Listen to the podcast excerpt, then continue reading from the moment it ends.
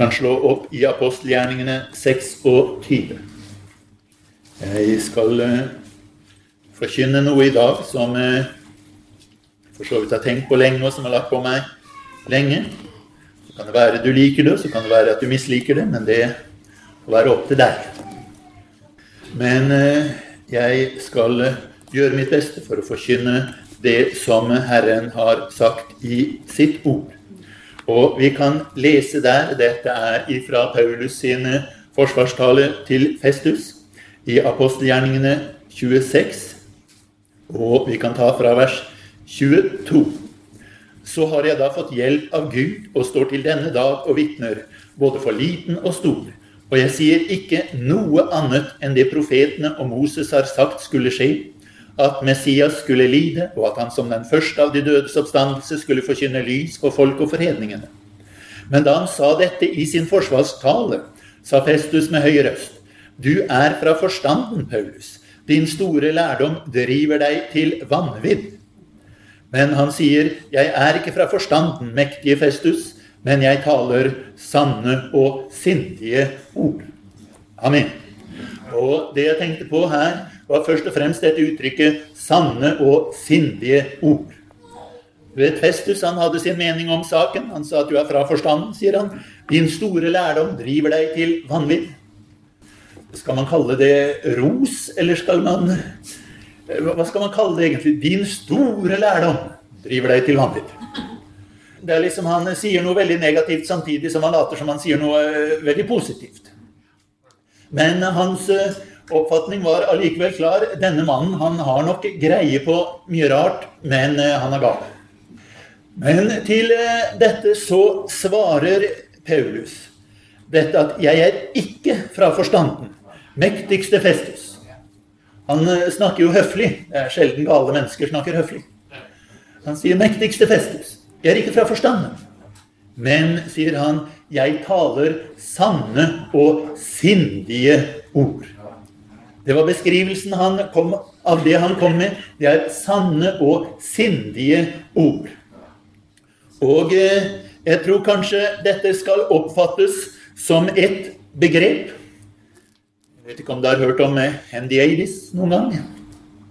Fra gresk. Hen betyr én, og de betyr to. Men det er når man sier to ord og mener én ting.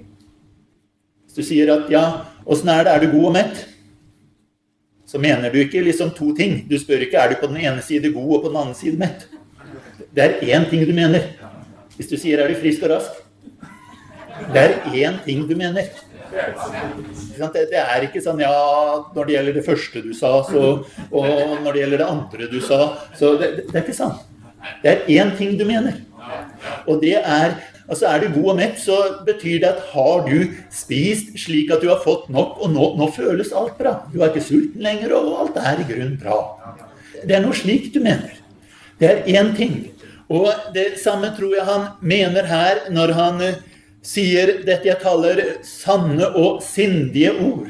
At han mener jeg taler ord med en sindig sannhet. Det er en sindig sannhet i det jeg bringer frem. Det er ikke at de på den ene side er det, og på den andre side er det det. Men det som preger mine ord, er det som Paulus sier, de er preget av en sindig sannhet. Det er jo på mange måter det stikk motsatte av å være gal. En sindig sannhet. Men det ligger noe mer i dette, tror jeg. For hvis du tenker litt over det En sindig sannhet. Hvorfor trenger du å legge noe til sannhet? Er det ikke nok å snakke sant? Hvorfor er det viktig med en sindig sannhet? Hvorfor er det viktig å legge til dette begrepet? Du vet, De ønsker å være radikale, og du vet, radikale mennesker de går det 50 på dusinet. Hvis du er uenig, så prøv å slå opp i en nettavis eller et eller annet sånt, og så les under en artikkel hvor det er mulig å legge til kommentarer. Og så leser du hva som står der. Der er det radikale løsninger på det meste. Og hvis det er mer enn en håndfull kommentarer, så er du garantert om de snakker om statsbudsjettet, om de snakker om eh, strikkeoppskrifter Det spiller ingen rolle. Er det mer enn en håndfull, så kommer du garantert til å få et innlegg om innvandring og muslimer. Uansett. Man har sine radikale løsninger på det meste. Men én ting man kan si om disse menneskene de er ikke troverdige. De er ikke kunnskapsrik.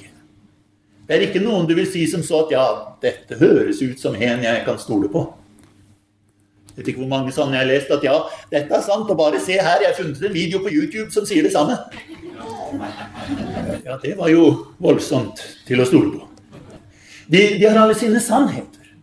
Men det er ingen sindig sannhet. Det er en eller annen sannhet slengt ut i en eller annen retning. Og eh, det er noe som man ser igjen og igjen. Mange de hevder de har sine sannheter. Men eh, det er ikke det som Paulus sier her. Det er en sindig sannhet. Det er noe som mangler. Det er ikke en helhet over det. Det er noe som mangler. Jeg tenkte å se litt på dette ordet som her er oversatt 'sindig', og hva det betyr. Og eh, det er noe som ligger på meg, for det er dette å tale en sindig sannhet. Det er veldig viktig.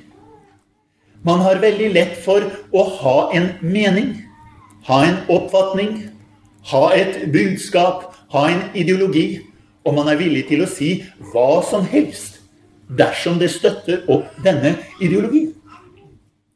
Det blir viktigere å bringe frem det man har lyst til å si, enn å se etter hva som faktisk er sant. Det er viktigere at jeg får fram min mening, enn at det jeg sier, er sant. Så hvor mange ganger har ikke noen skrevet noe, og så har noen sagt at du, du må kutte ut det der. Skriv ikke det avsnittet, for da, da er det ikke like kraftig. Man skal samle inn penger til fattige barn i Afrika, men skriv for all del ikke at det er blitt litt bedre der, for, for da kommer ikke folk til å gi.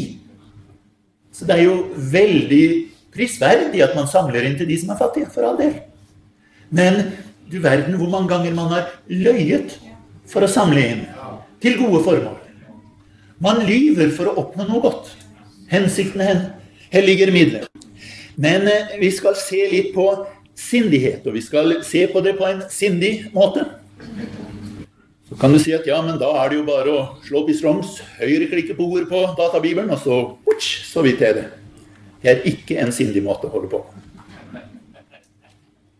De fleste som har stått også fra denne talerstolen og sagt at det, det egentlig står på gresk, de tar feil. Så nå skal du få lov til å lære en sindig måte å gå fram på når du skal finne ut hva noe betyr. Og for all del, ikke Strongs skyld for det.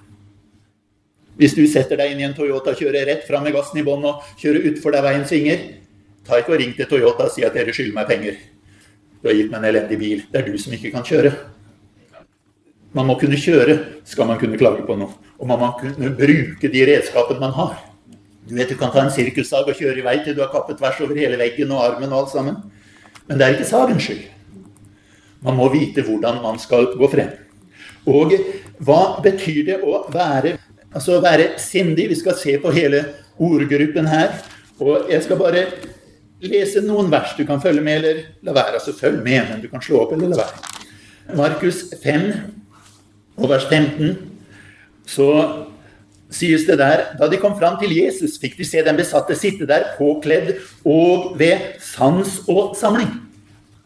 Her er altså dette uttrykket oversatt med sans og samling.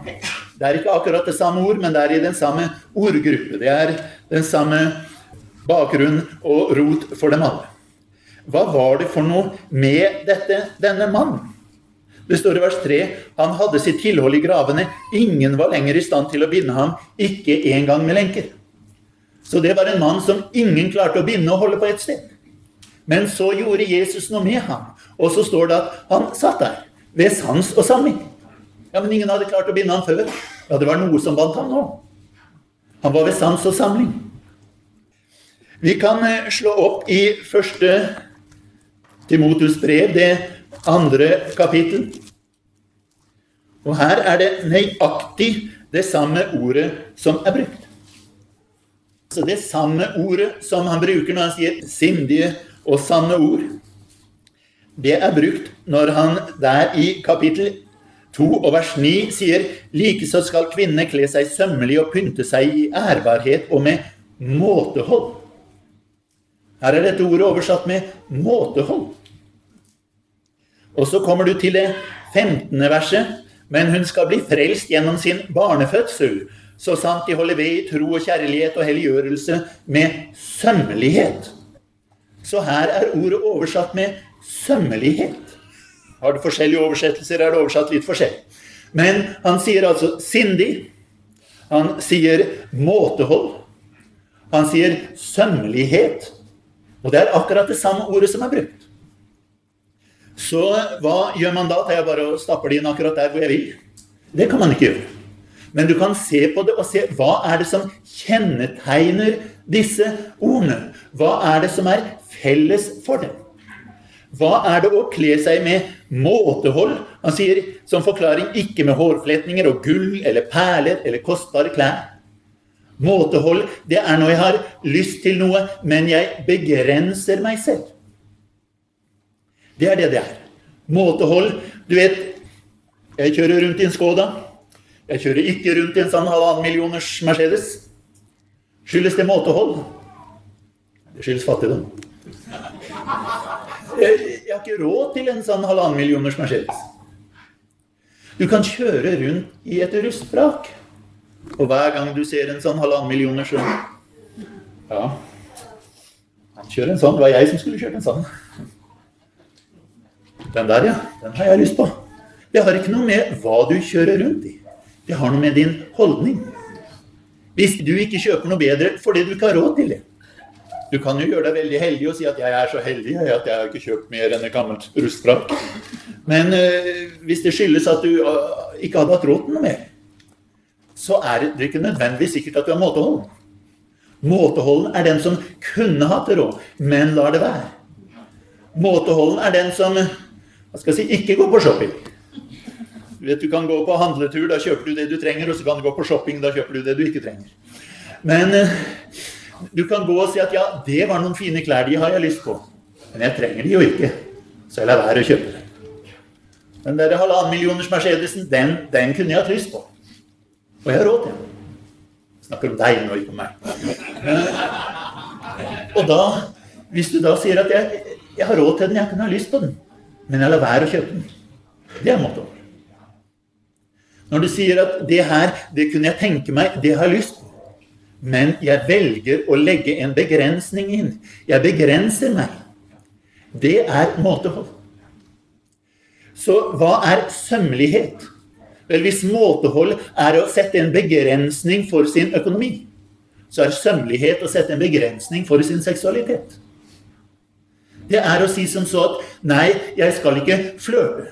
Jeg skal ikke kle meg sånn at jeg vekker lyst. Jeg skal ikke oppføre meg sånn at jeg vekker lyst. Sømmelighet er når jeg setter en frivillig grense.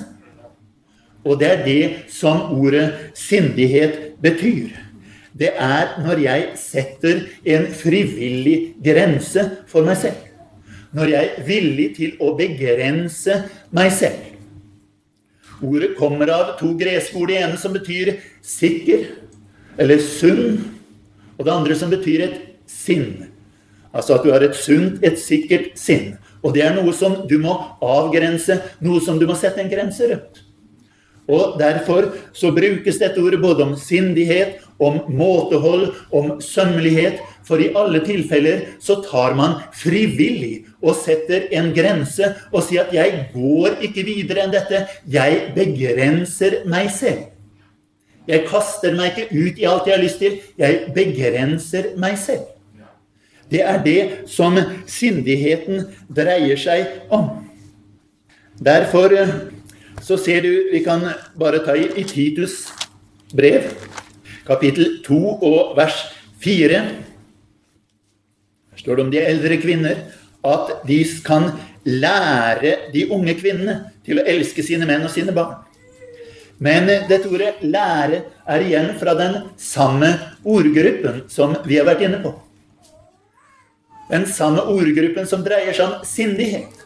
Med andre ord, når han sier du skal lære de yngre kvinnene, så er det ikke at du skal få dem til å pugge en rekke med regler om at sånn, sånn, sånn, sånn, sånn skal du leve.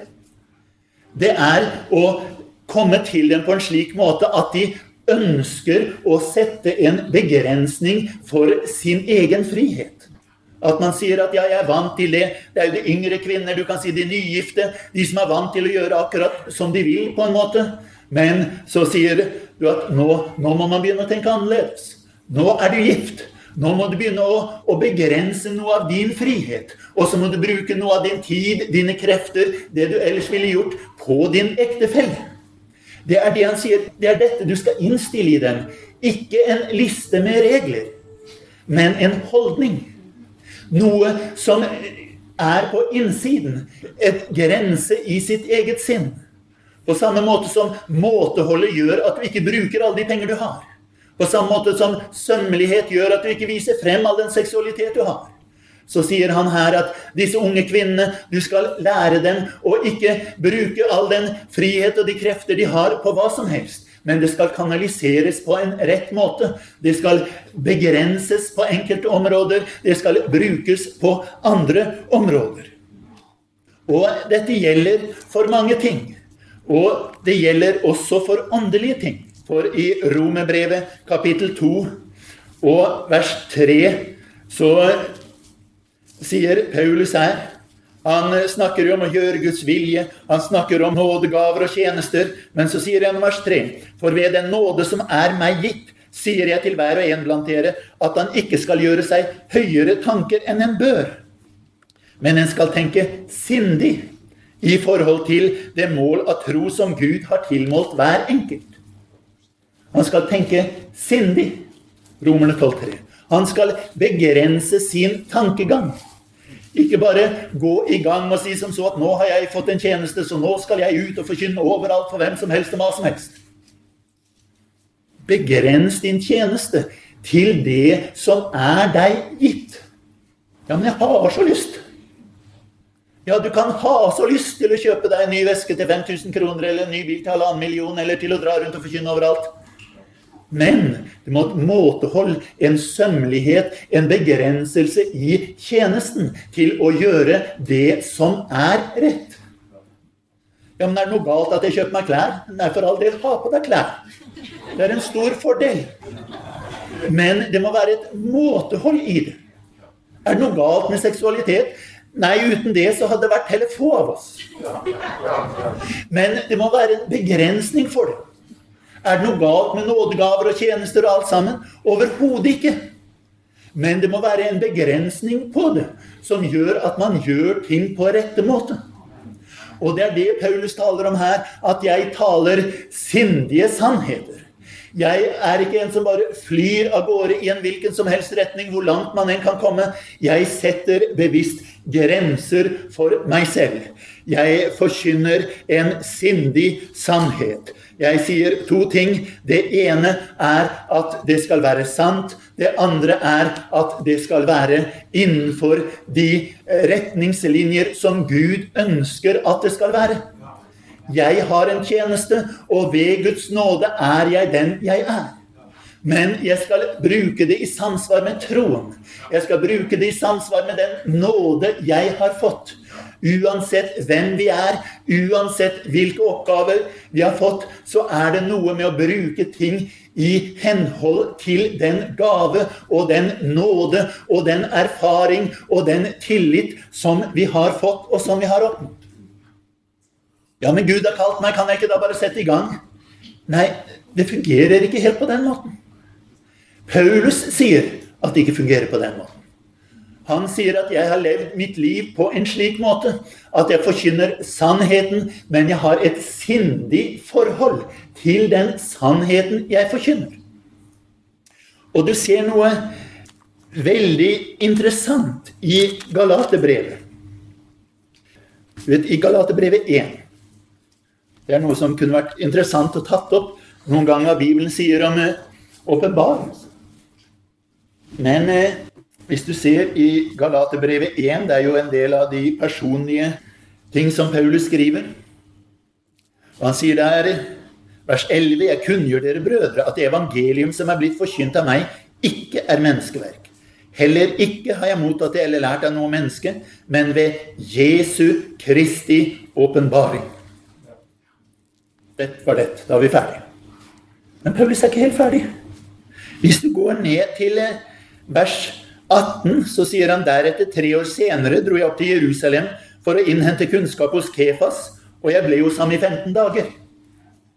Og eh, det var jo en nokså kjent kommentar som skrev om dette verset. Vi vet ikke hva de snakket om, men vi kan anta at det ikke var om været. Han dro opp for å snakke med Peter. Ja, hvorfor?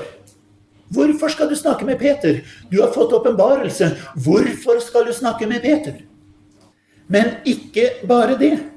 I kapittel 2 og vers 2 så sier han Jeg gikk dit opp etter en åpenbaring, og jeg forela dem, og særskilt dem som gjaldt mest, det evangelium som jeg forkynner blant hedningene, om jeg på noen måte løp eller hadde løpt forgjeves. Ja, men kjære Paulus, hvis du drar dit opp etter en åpenbaring, skal du ikke bare dra opp og fortelle dem at sånn er det? Og hvis dere mener noe annet, tar dere feil. Det var ikke det han gjorde. Han dro opp for å se om han hadde løpt forgjeves. Om det var noe feil. Han gikk opp for å snakke med Peter. Han gikk opp for å høre med brødrene.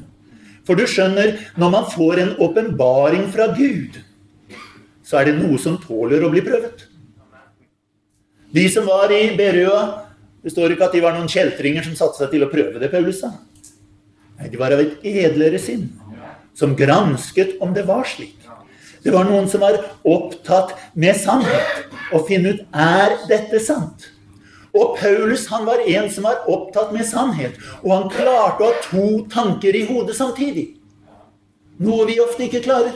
Men han klarte å ha to tanker i hodet samtidig. Den ene tanken var at 'dette har jeg mottatt direkte ifra Herren'. Og den andre tanken var at 'dette vil jeg snakke med brødrene om'. Og begge de to tankene klarte han å holde i hodet samtidig og gi uttrykk for i løpet av et kapittel i Galaterbrevet. Hvor han sier både 'Jeg har åpenbarelsen, og jeg har snakket med brødrene'. Jeg har åpenbarelsen ifra Gud. Jeg dro og tok en prat med Kefas. Var der i 15 dager og snakket med ham. Når vi dro derfra, så sa han sikkert at da sa vi 'Amen'. Dette er noe vi tror på. Dette står vi for. Og han sier 'Jeg dro dit opp igjen etter en åpenbaring' for å få denne dobbeltsjekken ifra de andre brødrene, som jeg vet at de er også noen som lever i ånden. Så kan du si at ja, hva hadde da Paulus sagt om disse plutselig hadde sagt at nei, du tar helt feil? Ja, Det er en ren teoretisk fremstilling. For det skjedde ikke. Det var mennesker som hadde åpenbarelse fra Gud. Det var mennesker som hadde kjennskap til Gud. Det var mennesker som sto i den samme ånd. Det var mennesker som hadde kontakt med Gud og fikk åpenbarelse fra det samme Gud. Og der kan jeg godt tenke meg at Paulus sa at ja, dette har Gud åpenbart for meg. Og så sier Peter som så amen. Ja, ånden viste meg. Og så taler de sammen, og så kjenner de at dette fyller ut hverandre. Det ene styrker det andre. Og når du leser de forskjellige bøker i Bibelen, så går de ikke imot hverandre. De støtter opp om hverandre. De styrker hverandre. For de har fått en åpenbaring fra den samme Gud. Men det som jeg er ute etter å nevne her, var den holdningen som Paulus hadde. Han sier at min sannhet, det er en sindig sannhet. Min sannhet, det er en sannhet hvor jeg ikke bare tar og kjører av gårde i hvilken som helst retning, men jeg har valgt å sette grenser for meg selv. Jeg har valgt å begrense meg selv på denne måten at jeg holder ikke tilbake noe av det som kan være dere til gagn, som han sier. Jeg forkynte dere hele Guds råd. Hele Guds råd. Mange av disse superradikale menneskene de har bare ett punkt i Guds råd. Det står de på. Vi skal snakket med en, men han vil ikke være iblant oss. For vi tok feil om endetiden. Det punktet, gjentidslæren, der tar dere feil. Ja, sa jeg til ham at men eh, hvilken menighet er det du er med i? Nei, ingen. Så er det rett. Ja, nei, nei, ja, nei, nei, altså det var jo ikke det. Men han kunne ikke være sammen med oss, for vi tok feil på det punktet i gjentidslæren. Alt annet var visst greit. Ja, se, men det er jo ikke bare det. Du lever jo i hor. Ja, han gjorde jo for så vidt det. Det måtte han jo si seg enig i. Men han kunne ikke være iblant oss, for vi tok feil på det punktet i Tidsleir. Og da er det Du kan begynne å lure. Det er mulig han mente han hadde en sannhet, men det var i hvert fall ikke en sindig sannhet. Det var ikke en sannhet hvor han kan si at her har jeg gått inn og sjekket og ransaket alt sammen. Paulus sier at 'jeg ransaker meg selv'. Jeg gransker meg selv at ikke jeg som forkynner for andre, selv skal finne å ha en mangel. Jeg har et sindig forhold til dette. Jeg sier ikke bare at 'jeg har sett det, og jeg har sett det', men han sier at jeg prøver meg selv på alle områder, på alle punkter. Jeg ønsker at jeg skal ha det rette forhold. Iblant de frie, fri-frie, ekstra fri-fri-frie, så, så, er det mange de, de er radikale. Og de kan fortelle om alt som er galt overalt. Men de lever jo et liv som hadde gjort en gris skamfull. Det er jo mennesker som Du ser de Det der med 'inntil døden skiller oss av', det, det, det betyr tydeligvis ingenting for dem. Det å skulle leve rent og hellig betyr ingenting for dem. Det å skulle være et anstendig menneske, det betyr ingenting for dem. Men du verden hva de kan fortelle om barnedåpen. Den er feil, den. Men resten av livet deres Altså en hvilken som helst skal si emissær i Sjømannsmisjonen hadde jo stilt det til skamme når det gjelder å leve Gud frykt innenfor Herren. De som de skjeller ut, lever et liv som er langt bedre enn det de gjør. Må vi aldri bli slike mennesker som sier som så at jeg, jeg har det og det punktet rett, så jeg, jeg glemmer alt annet. Jeg trenger ikke leve for Herren på noe annet vis fordi jeg har en liste. Vi trenger ikke ha en liste, vi trenger å ha et forvandlet sinn. Vi trenger å være mennesker som har et forvandlet sinn. Og vår undervisning må være slik som han sier at de eldre skal undervise de yngre. Hvordan på en slik måte at man former sinnet, former tanken, får en annen måte å tenke på. Man har sett så mange forsamlinger som i det jeg si, gamle forstander dør, eller et eller annet, så bare plutselig i løpet av uker er alt forandret. Jeg har en mistanke om at de hadde en regeltro og ikke et endret sinn. Så fort man mister reglene, så kan man endre på det.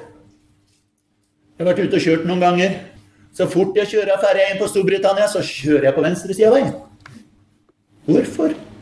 Men det er regler. Jeg har ingen moralsk overbevisning om at jeg må kjøre på høyresiden. Det er ingen grunnleggende moral som forteller meg det. Det er bare en regel. Derfor, så fort du kommer til et annet land, så kan du kjøre over. Så er det noen de har det mer som moralsk regel. De klarer aldri å kjøre i Storbritannia. De klarer aldri å komme seg opp på venstre side. Det blir liksom helt galt for dem. Så hvorfor trenger sannhet å modifiseres av sindighet?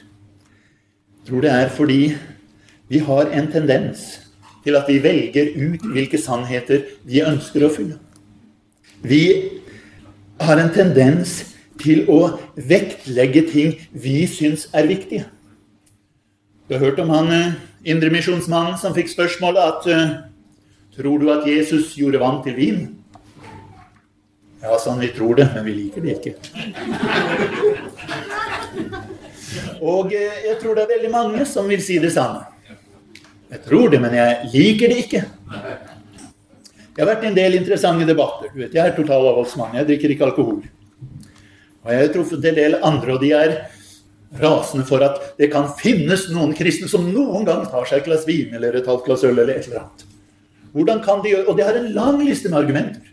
På grunn av det burde du ikke, og på grunn av det burde du ikke, og på grunn av det burde du ikke, og på grunn av det og det og det og det. Det er så viktig. Jeg har ikke lyst til å være med på et sted hvor man kan holde på med sant. Problemet er bare at uh, det er ingen sindig sannhet. For uansett hvordan du vrir og vender på det, så lagde Jesus vann til vin. Han gjorde det.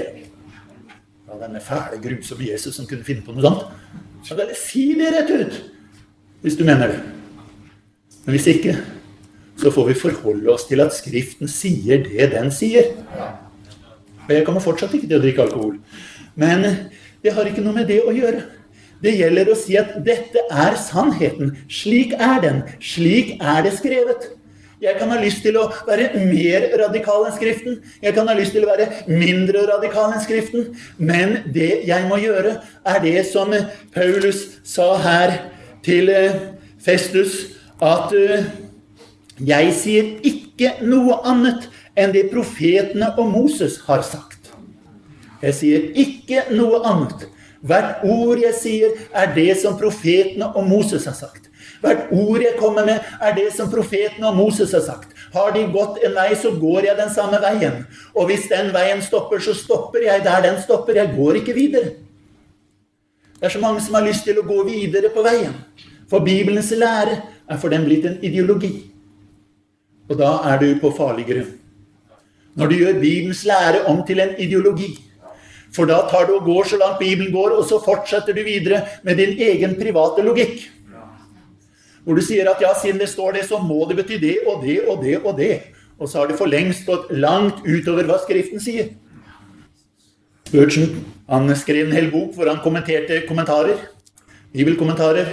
Og Da skrev han om en, altså han er en meget god kalvinist. Han tror på utvelgelse.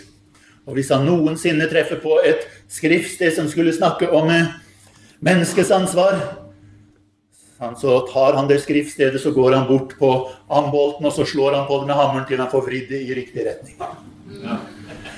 Men eh, jeg har truffet veldig mange mennesker som gjør det med veldig mange skriftsteder. Man tar og slår og slår og slår og slår til man får vridd det i den retningen man vil det skal gå.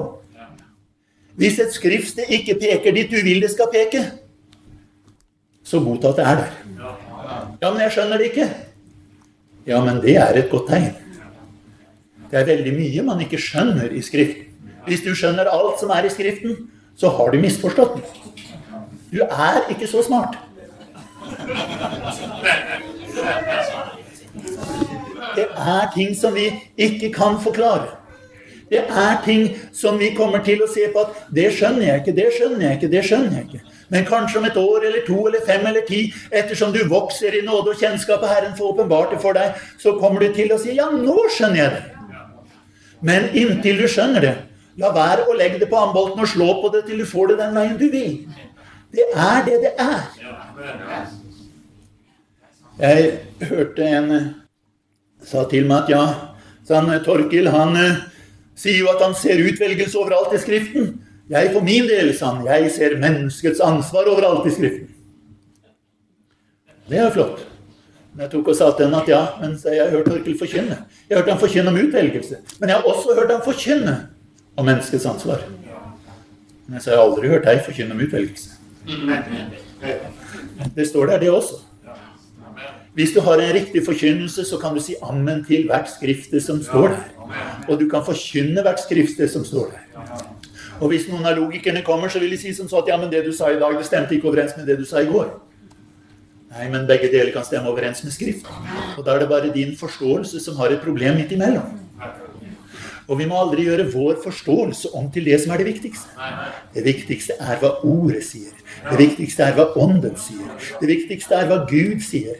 Om jeg umiddelbart skjønner det eller ikke, det får så være. Men jeg må være som Paulus, som sier at jeg forkynner en sindig sannhet. Jeg har et sindig forhold til det.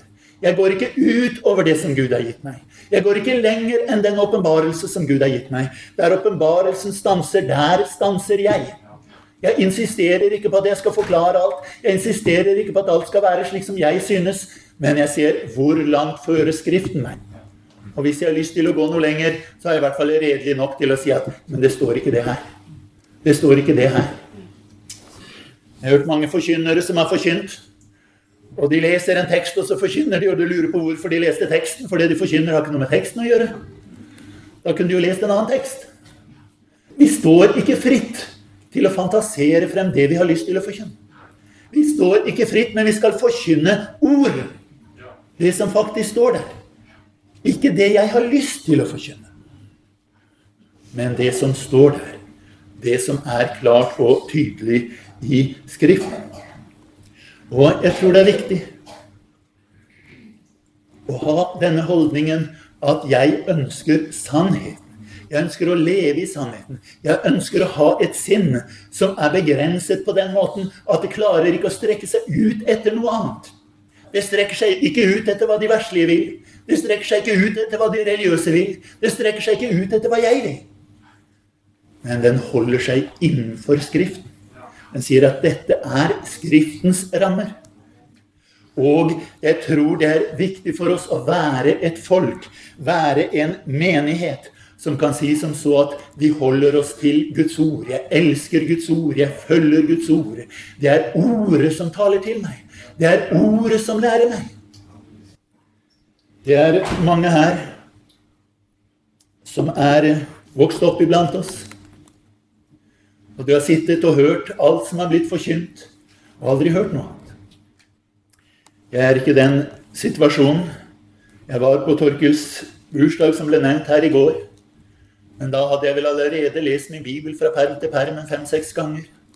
Da hadde jeg vært på tipper 1500 møter. Jeg hadde lest dusinvis, om ikke hundrevis av bøker. Du hadde vært borti veldig mye. Men én ting kan jeg si, jeg hadde fått en lengsel etter det som ordet sier. Etter det som Guds ord taler. Og jeg har snakket med mange som har sagt som så at ja, jeg var så overbevist om det, men så kom Torkel og talte til meg, og da, da skjønte jeg at jeg var rett. Jeg tror aldri jeg har hatt noen sånn samtale med Torkel, egentlig. Jeg kan ikke huske én en eneste tale som har overbevist meg, hvor jeg har sagt at før mente jeg det, men nå mente jeg det. Betyr det at jeg forkastet tjenesten? Overhodet ikke. Men eh, hvis du hadde spurt en eller annen La oss si at hadde spurt Marit Bjørgen hvilken var den treningsøkt som ga deg det som gjorde at du ble verdensmester? Tror du hun kunne pekt på den ene treningsøkten og si at den treningsøkten gjorde meg til verdensmester? Nei, det var en atmosfære, om du vil, av stadig trening. Av noe som kom igjen og igjen og igjen og igjen. Som bygde opp litt etter litt etter litt etter litt. Og det jeg håper iblant de som hører min forkynnelse, at de ikke går derfra og sier som så at jeg hørte Geir André og han og beviste meg om at dette er sant. Men at du hører at du går hjem og leser Guds ord, at ordet og beviser deg om at det er sant. Og hvis noen spør deg hva mener du, så kan du si at la oss se. Her, dette er hva ordet sier. Dette er hva ordet sier. Dette er hva ordet sier. Om du ikke husker en eneste preken som jeg har holdt, hvis du kan si at 'dette har ordet lært meg', det er det som er målet. Det er det som må være målet for oss alle. Å skape en atmosfære i våre forsamlinger med en lengsel etter sannheten. En lengsel etter Guds ord.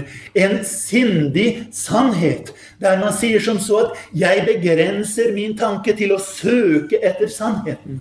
Jeg begrenser min fantasi til å søke etter sannheten. Jeg begrenser min vilje til å søke etter sannheten. Jeg ønsker sannhet. Jeg vil kjøpe sannhet. Jeg vil ikke selge den. Jeg vil eie den. Jeg vil ha den. Det er det som betyr mer enn noe for meg. Og kan vi si det? Kan vi si at min daglige bibellesning det er for å søke etter sannheten? Kan jeg si at når jeg går inn for Herren i bønn, så er det for å søke etter mer av Ham. Det er ikke bare et tomt religiøst rituale. Det er ikke bare noen regler som jeg har, at hver dag skal jeg be to ganger og lese én gang.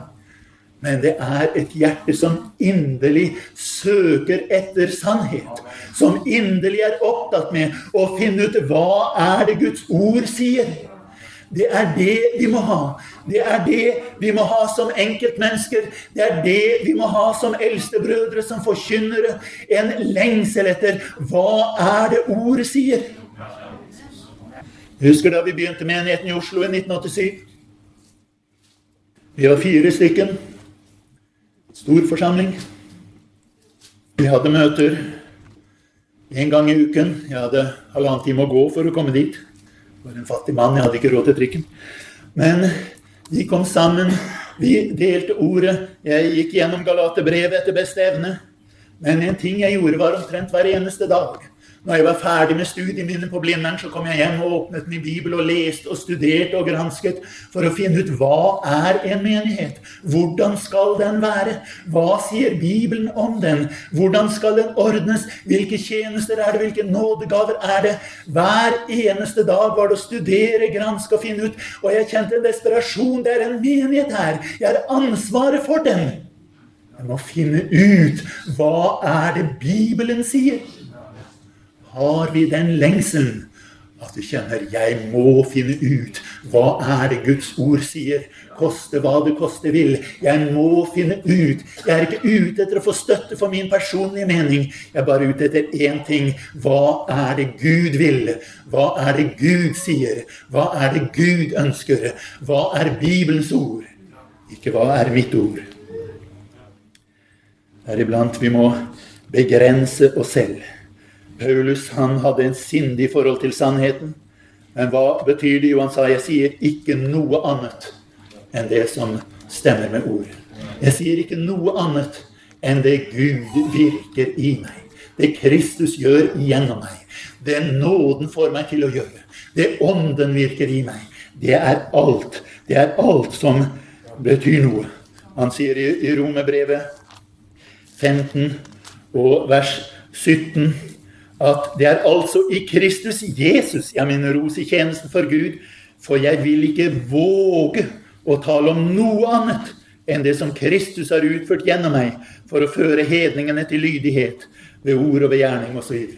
Jeg vil ikke våge å tale om noe annet enn det Kristus har gjort gjennom meg. Jeg våger ikke å tale om hva jeg har fått til, kun hva Kristus har fått til. Jeg våger ikke å si noe om hva jeg har gjort i egen kraft, kun hva Ånden har virket gjennom meg. Må det være den holdningen hver enkelt av oss har. Og må det også være den holdningen vi har til møtene og til samlingen. Hvis jeg skal si min takk til Torkil, så er det ikke først og fremst for den sannheten eller for den sannheten eller for den sannheten. Men det er for en sammenheng hvor ord er det som betyr noe. Det er for en sammenheng hvor jeg ikke trenger å lete gjennom en, en, liste med 'dette tror vi på', men hvor jeg kan lete gjennom en bok og si at 'dette tror vi på'. Det er jeg inderlig takknemlig for. Det har fått en atmosfære hvor man hele tiden har fått hørt at det er ordet som bestemmer. Det er ordet. Skriften kan ikke gjøres ugyldig. Det var slik Paulus sto fram. Han sier, 'Om så vi, eller en engel fra himmelen, forkynner et annet evangelium' Han sier om jeg skulle begynne å forkynne annet, så hør ikke på meg. Det var noe som var viktigere. Nå må vi ha den holdningen. Det er noe som er viktig. Og det er Skriften alene. Vi har fått Ordet. Vi har fått budskapet. Vi ønsker å holde fast ved det. Og vi ønsker å være med og støtte og hjelpe de som er forkynnere iblant oss. De som er eldste iblant oss og si at la oss samles om Guds sannhet. Det Gud vil ha frem. Det Gud vil ha sagt. Ikke hva som føles godt. Alle forsamlinger som finnes rundt omkring i dag, er samlet omkring hva som føles godt. Vi må få være samlet om hva ordet sier, om hva som er godt. Hva enten det føles sann eller sann, men det som Herren har sagt, det som er godt. Kjære Gud og Far. Takk, Herre Jesus at du er en nåderik Gud. Takk at du er en som kan forme og danne oss, Herre. Takk at du er en som kan røre ved våre liv. Å, Herre, jeg vil takke deg for all den forkynnelse som har gått ut gjennom de mange, mange år. Å, Herre, ikke for å skape lover og regler, men for å skape forvandlede sinn. Sinn som elsker sannheten. Sinn som søker sannheten. Sinn som lever for sannheten. Jeg ber deg, Herre Jesus, la oss ha et slikt sinn. La oss ha en sindig sannhet. Et sinn som søker din sannhet, og som aldri blir tilfreds med noe som helst annet. La oss være de som vil ha deg først. Deg og intet annet. I Jesu navn. Amen.